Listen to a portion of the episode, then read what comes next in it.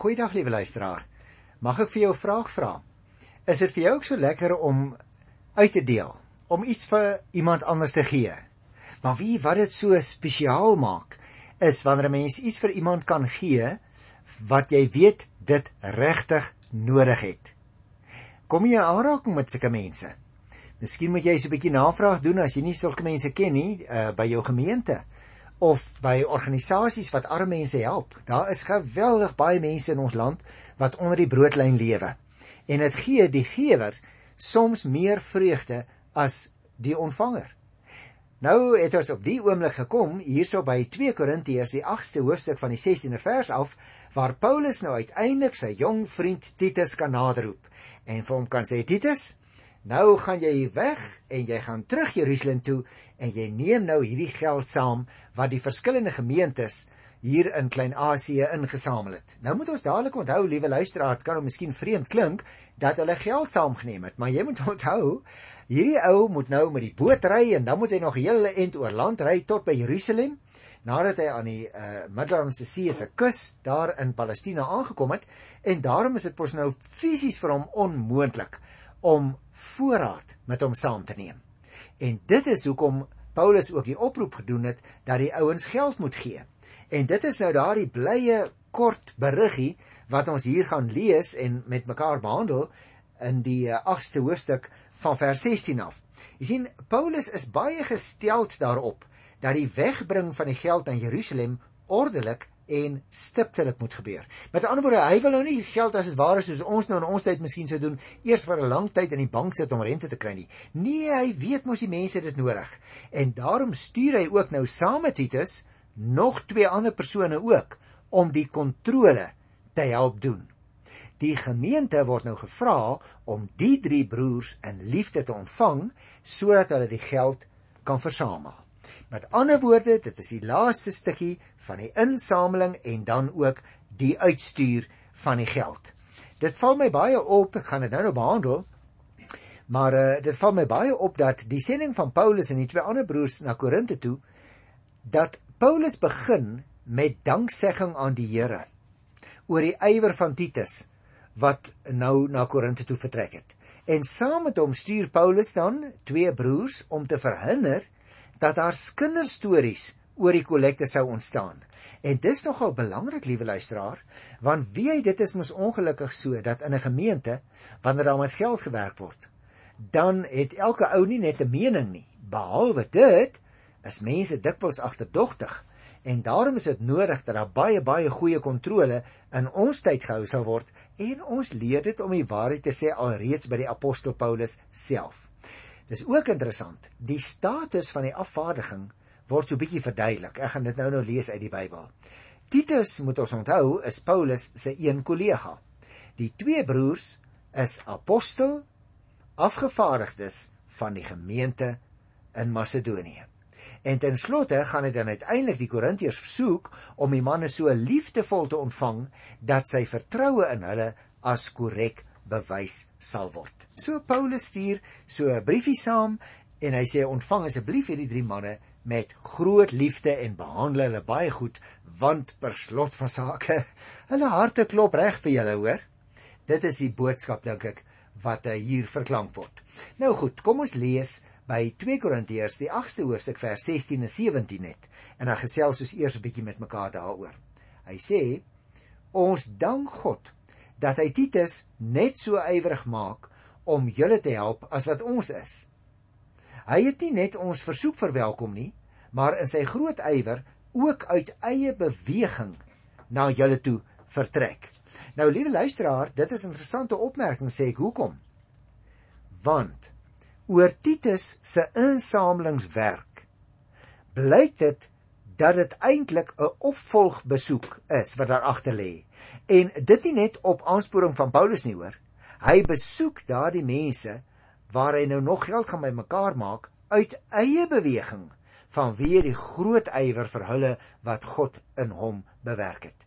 Dit dui dus op sy entoesiasme om met toewyding onder hulle te gaan werk. En as dan miskien as jy dalk aan 'n kerk of 'n gemeente behoort wat nog diakens het, dan wil ek vir jou sê die luisteraars ontvang ook daardie diakens met groot blydskap want hulle is besig met die Here se werk. Moenie vir hulle laat voel soos mense wat van jou wil kom steel nie. Maak dit vir hulle maklik, maak dit vir hulle aangenaam, help dat hulle tyd kan spaar deurdat jy betyds jou koevertjie of jou bydrae so bietjie een kan sit dat hulle dit net kan neem en weer op hulle tog kan vertrek. Nou wil ek ook sê voordat ek van vers 16 en 17 afstap wat die praktiese uitvoering van die kollekte betref, moet jy opmerk maak Paulus nou sy planne bekend in die vertroue dat die gemeente ywerig sal saamwerk om daaraan uitvoering te gee. Die eerste stap is om Titus na Korinte toe terug te stuur sodat die kollekte tot voltooiing kan bring, soos ons in die vorige program gelees het by vers 6. Hoewel Titus pas daarvan Korinte af teruggekeer het, is hy onmiddellik bereid om weer eens daarna toe te gaan voordat hy dan na Jerusalem toe te vertrek. Wat jy sien, hy gaan ook die insameling daar afhandel.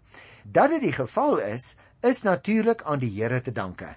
Hy gaan met ander woorde voort met dieselfde ywer in die hart van Titus te skenk as wat daar voorheen was toe hy met die kollekte begin het. Maar dit is 'n skryf Paulus ywer vir julle. Dit wil sê nie vir die kollekte as sodanig nie of vir Jerusalem of vir eie eer of vir die van die apostel nie, maar dit is 'n ywer vir Korinte self sodat hulle net soos die ander gemeentes in Macedonië 'n waardige bydrae kan lewer vir die genade van God in hulle midde. En dan die 17de vers, uh, wil ek ook nog 'n opmerkingie maak oor hier onthou wat ons gelees het. Hy het nie net ons versoek verwelkom nie, maar in sy groot ywer ook uit eie beweging na julle toe vertrek. Jy moet dus oplet. Die apostel het wel aan Titus 'n versoek in die verband gestel. En Titus het dit hom laat welgeval. Maar eintlik, skryf die apostel, eintlik was dit nie eers nodig nie aangesien Titus uit eie beweging gretig was om die opdrag te gaan uitvoer. Die uitdrukking dat Titus vertrek het hier in vers 17 moet 'n liewe luisteraar in die lig van die omstandighede liefse vertaal moet word met hy het op die punt gestaan om te vertrek en sou dus ook nou die huidige brief naamlik 2 Korintiërs met hom saamneem na die Christene daar in Korinte. So ons moet dit goed verstaan, hy het nie onmiddellik vertrek na Jerusalem nie. Hy het eers teruggegaan na Korinte toe en dan daarvandaan moes hy dan reis na Jerusalem.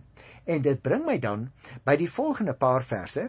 Ek gaan vers 18 tot 21 lees sodat ons die breë verband kan sien, maar dan gaan ek met jou so 'n bietjie meer indringend daaroor gesels. Vers 18. Saam met hom stuur ons die broer wat in al die gemeentes geprys word vir sy bevordering van die evangelie. Afgesien daarvan is die broer ook deur die gemeentes gekies om met ons saam te reis as ons die liefdeswerk uitvoer wat ons onderneem het. Ons doen dit tot eer van die Here en as teken van ons hulpvaardigheid. Op hierdie manier voorkom ons dat enige iemand ons dalk sou verdink 'n verband met so 'n groot som geld wat ons moet wegbring. Ons is daarop gestel om korrek op te tree, nie alleen voor die Here nie, maar ook voor die mense. Saam met hulle stuur ons ook ons ander broer. Ons het hom baie keer en op baie maniere op die proef gestel gevind dat hy ook ywerig is om te help. Nou is hy nog ywiger omdat hy baie vertroue in julle het. Wat Titus betref, hy is my kollega en medewerker in julle belang. Wat ons broers betref, hulle is afgevaardigdes van die gemeentes en 'n eer vir Christus. Bewys aan hulle julle liefde sodat al die gemeentes dit kan sien en kan weet dat ons tereg trots is op julle. Nou, liewe luisteraar, ek dink as 'n mens nou hieroor begin gesels, dan merk jy op Paulus het meer as een mens aangestel om die geld na Jerusalem toe te neem, sodat daar geen vrae of stories oor die geld sou kon wees nie. Die mense wat hy gestuur het, het die gelowiges se goedkeuring weggedra. Hulle was nie vals leraars nie. Hulle sou ook nie die geld verkeerd bestee nie. Ons moet ook onthou, liewe luisteraar, Titus was Paulus se kollega en hy en twee broers is toe nou afgevaardig van die gemeentes van Macedonië. Die gemeente word nou gevra om hulle almal hartlik te ontvang wanneer hulle daar aankom in Korinte. Ek wil ook miskien nog hierdie opmerking maak wanneer ons hier by die 18de vers verbygaan, liewe luisteraar. In verband met geldsaake handel die apostel uiters versigtig ten einde te voorkom dat by of sy medewerkers of by ander mense dalk die gedagte kan ontstaan dat daar iemand is wat homself of haarself uit die geld bevoordeel het. Daarom dat hy ook voorheen reeds die gemeente gevra het om betroubare manne aan te wys wat dan saam met die apostel uiteindelik ook sal terugreis na Jerusalem toe om die kollekte daar te gaan aflewer. Ondanks Paulus se voorsorg het daar verdenking teen hom in die verband ontstaan. Ek sal dit nog vir jou uitwys as ons kom by die 12de hoofstuk van die 11de vers af. En daarom stuur Paulus nou twee manne met Titus saam. Hy noem geen name nie, maar hy beveel hulle baie sterk aan by die gemeente. Daaruit moet ons die afleiding maak, lyk dit vir my dat hulle in Korinte nie bekend was nie. Die eerste van die twee, so sê vers 18, het lof in die evangelie deur al die gemeentes. Met ander woorde, Hy was 'n bekwame en 'n ywerige verkondiger van die evangelie wat in hoë aansien gestaan het by al die gemeentes van Macedonië wat hy dan as reisende prediker besoek het. Moontlik het berigte rondom hom ook Korinthe bereik en daarom onderstreep en onderstreep die apostel dit herhaaldelik. Ek het alle moontlike voorsorgmaatreëls getref Die manne wat ek stuur is betroubaar en daar sal niks verkeerd gaan met die geld en die finale bedrag wat oorhandig moet word nie. Ek wil ook daarop wys, liewe luisteraar, dat die twee broers wat uh, Paulus saamstuur, stel natuurlik uh, vir hom en vir hulle voor bepaalde probleme. Want uh, Paulus noem sy medewerkers en kennis altyd by name dat hy hier bloot na hulle as broers verwys is nogal so 'n bietjie vreemd, moet ek eerlik sê. Nou, waarom hy dit so doen? Dit sal ons nooit regtig weet nie. Dat hy hier eers na die een en dan eers na die ander een verwys, mag dalk daaraan te danke wees uh, na die eerste bekend en geag was vir die manier waarop hy die evangelie versprei het as 'n mens nou weer kyk na die 18de vers. Nou goed, by vers 19 kry ons ook 'n hele klompie interessante inligting. Luister. Afgesien daarvan is die broer ook deur die gemeente gekies om met ons saam te reis as ons die liefdeswerk uitvoer wat ons onderneem het. Ons doen dit tot eer van die Here en as teken van ons hulpvaardigheid. Nou luisteraars, Hierdie man is nie deur Paulus self verkies nie, maar juis deur die gemeentes, heel waarskynlik by wyse van opsteek van hande om in verband met die kollekte die reisgenoot van Paulus te wees. Die apostel moet ons onthou, was self nog op hierdie stadium in Macedonië onderweg na Korinte, vanwaar hy dan ook later na Jerusalem toe sou reis.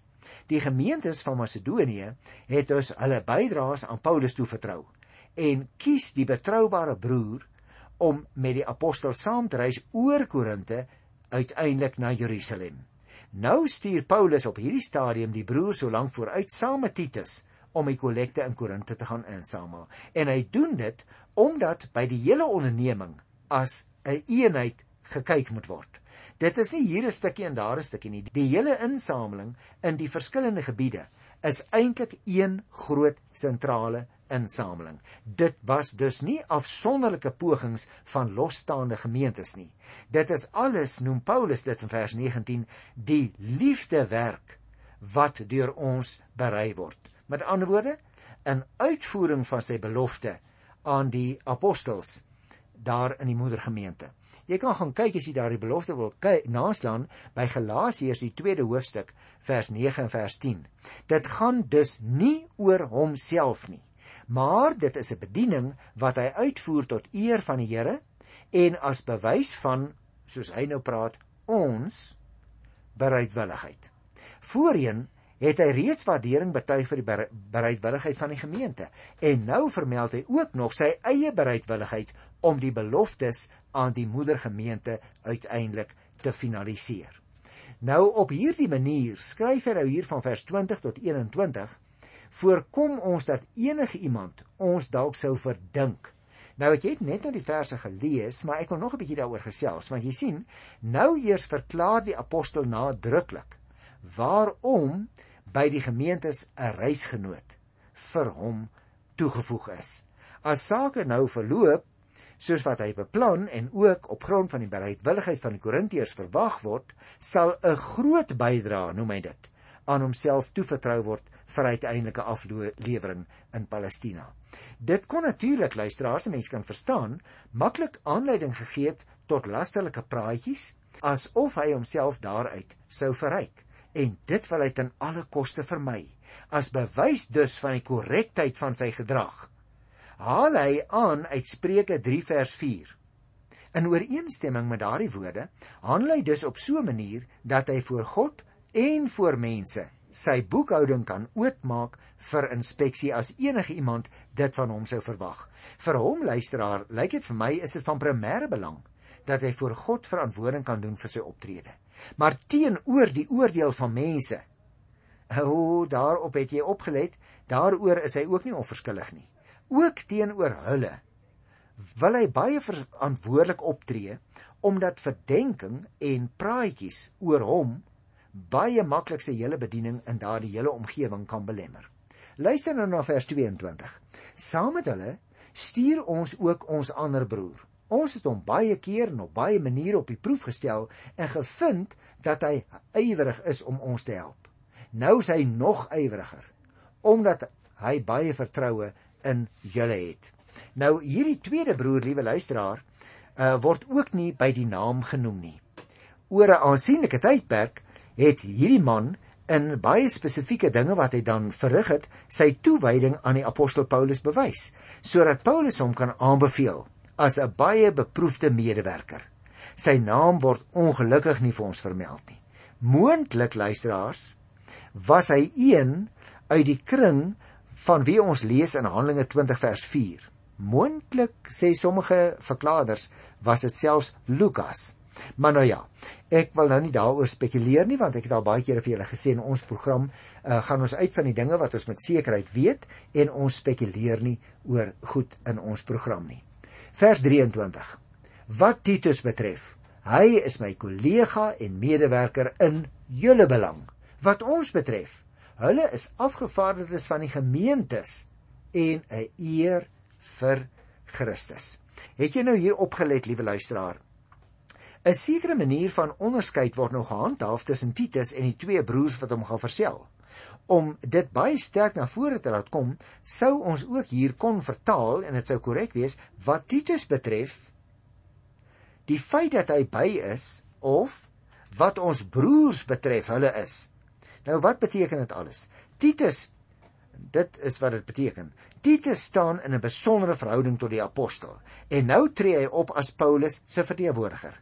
Hy moet dan ook ontvang word as metgesel en as 'n medewerker van Paulus aan wie die verantwoordelikheid opgedra is om die kollekte tot afhandeling te bring. Behalwe dus Titus, is daar ook nog die twee broers wat die verskillende gemeentes verteenwoordig. Dit bring ons dan by vers 24 en daarmee wil ek afsluit van vandag. Bewys aan hulle julle liefde sodat al die gemeentes dit kan sien en kan weet dat ons reg trots is op julle. Nou, dit is my nogal interessant dat die apostel so afsluit luisteraars want dit is so kort slotopmerkingie, né? Ehm um, waarmee Paulus dan die Korintiërs daar in die groot wêreldstad versoek om die drie afgevaardigdes te ontvang met 'n bewys van hulle liefde en van die waarheid van Paulus se roem oor hulle. Met ander woorde, hy sê vir hulle: "Ek het mos vir julle gesê hierdie ouens is baie betroubaar. Maar as hulle nou daar aankom, dan sal jy eers die kwaliteit van hierdie mense se karakter agterkom. So jy hoef in geen manier te twyfel aan hulle opregtheid, maar ook aan die bona fide aard van hulle karakter nie. Die liefde was dus wel aanwesig in die gemeente, maar dit moes nou tot uiting kom in die manier waarop die Korintiërs daardie drie gesande gaan ontvang. Bovendien, liewe luisteraar, moet ons onthou, het Paulus by die drie broers God geprys ook oor die gemeente. Met ander woorde, hy het as apostel die gemeente so bietjie soos ons nou sou sê in gewone Afrikaans Afrikaans geboost, maar hy het ook van sy kant af by die gemeente hierdie drie broers aanbeveel in hierdie brief wat ons nou behandel. Nou moet die Korintiërs vra hy baie mooi in vers 24 ook so optree dat Paulus se roem oor hulle bewaarheid word. Nie net in die oë van hierdie broers nie, maar van al die gemeentes. Die Korintiërs moet dus verstaan dat hulle optrede nie net hulle self aangaan nie. Al die gemeentes, die hele kerk op daardie stadium is daarbey betrokke en let dus ook op luisteraar op die manier waarop hierdie een gemeente sy medewerking verleen aan die gemeenskaplike onderneming. Met ander woorde, hierdie spesifieke gemeente 'n broer saamstuur wat baie betroubaar is en vir wie Paulus ook erken as dit is regtig waar, hy is 'n betroubare persoon. Nou as mense so daaroor dink, hoe dat Paulus in staat was om hierdie verskillende gemeentes te laat saamwerk in belang van 'n arm gemeente. Dan kom die vraag by jou en my op. Werk ons ook nog in ons tyd saam as gemeentes? En liewe luisteraar, dit mag 'n eenvoudige onskuldige vraag klink, maar weet dit is baie belangrik. Dikwels doen 'n gemeente sy ding op sy eie. Dikwels wil 'n gemeente nie saamwerk met 'n ander gemeente nie, want hou nie van 'n ander gemeente se styl nie. En wie hoe belangrik dit tog is dat ons as Christus gelowiges mekaar sal vind, maar o ja, dat ons ook 'n belang van ander sal saamwerk. Daarom sê Paulus, het hy nou hierdie wonderlike voorreg gehad dat hulle saamgewerk het, elke gemeente het 'n finansiële bydrae gegee. Ek kan my voorstel, hoewel dit nie gesê word nie, dat daar ook mense is wat proviant sou gebring het, né, kos of voorraad. En dat dit dan en dit was die gebruik van daardie tyd wanneer jy uh, vir 'n fees gegaan het byvoorbeeld Jerusalem toe, dat jy jou skaap verkoop op die plaaslike mark, die dorpsmark en dan neem jy daardie geld met jou saam as 'n offergawe na Jerusalem toe. Dan in Jerusalem koop jy weer 'n ander skaap of iets wat jy wil gaan offer en neem dit vir die priesters om dit namens jou aan die Here te offer. En dit vir my hierdie gedagte deel waarskynlik ook hier agter gelê dat mense wel geld gegee het, dit is waar, maar sommige van hulle het waarskynlik hulle geld gekry deurdat hulle iets gaan verkoop het op die mark. En dit is dan uiteindelik aan die apostel oorhandig en die apostel het dit aan die boodskappers gedra. So dit was 'n baie groot organisasie wat Paulus moes onderneem het, maar dit was natuurlik in belang van die Here se saak in hierdie gemeentes. Daarom lyk dit vir my dat hier ons hier 'n baie vroeë gebruik in die kerk waar verskillende gemeentes saamgestaan het wat baie gelowiges uit daardie gemeentes hande gevat het en gesê het kom ons takel hierdie spesifieke probleem gesamentlik want dink nou maar as een gemeente sou help dan kan die arme mense in Jerusalem nou nie regtig daarbey gebaat het nie. Maar omdat ons almal saamgewerk het, is ons poging net soveel sterker, kan soveel meer mense maklik daaruit baat. Daarom wil ek ook vir jou net 'n ander faset noem. Luister, behalwe van gemeentes wat kan saamwerk in ons tyd. Weet jy is dit so verskriklik belangrik dat verskillende kerke sal saamwerk. Partykeer is dit nogal 'n saak wat baie bespreking uitlok en in sommige gebiede gaan dit nie maklik gebeur nie. Maar onthou liewe luisteraar, maak nie saak aan watter denominasie of kerk of groep 'n mens behoort nie. Maar as jy aan die Here Jesus Christus behoort, as jy in hom glo as jou persoonlike saligmaker, hoe gouer die tyd kom dat jy dan hande vat met iemand anders, hoe beter. En natuurlik, ek ek behoort dit eintlik eers op te merk hier oor die lig nie. Maar natuurlik is dit so goed dat ons ook mense van ander kulture, van alle groepe, van ander rasse insluit by hierdie gesamentlike pogings. So wie jy ook al is, hoe jou velkleur is, hoe jou gesig lyk, liewe luisteraar, ons wil weer eens van die radio se kan vir julle baie baie welkom sê by ons program en vertrou dat julle vir ons bid en so die Here wil praat ons in die volgende program met mekaar verder oor 2 Korintiërs die 9de hoofstuk. Lees dit gerus so so lank in die tussentyd. Tot dan, totsiens.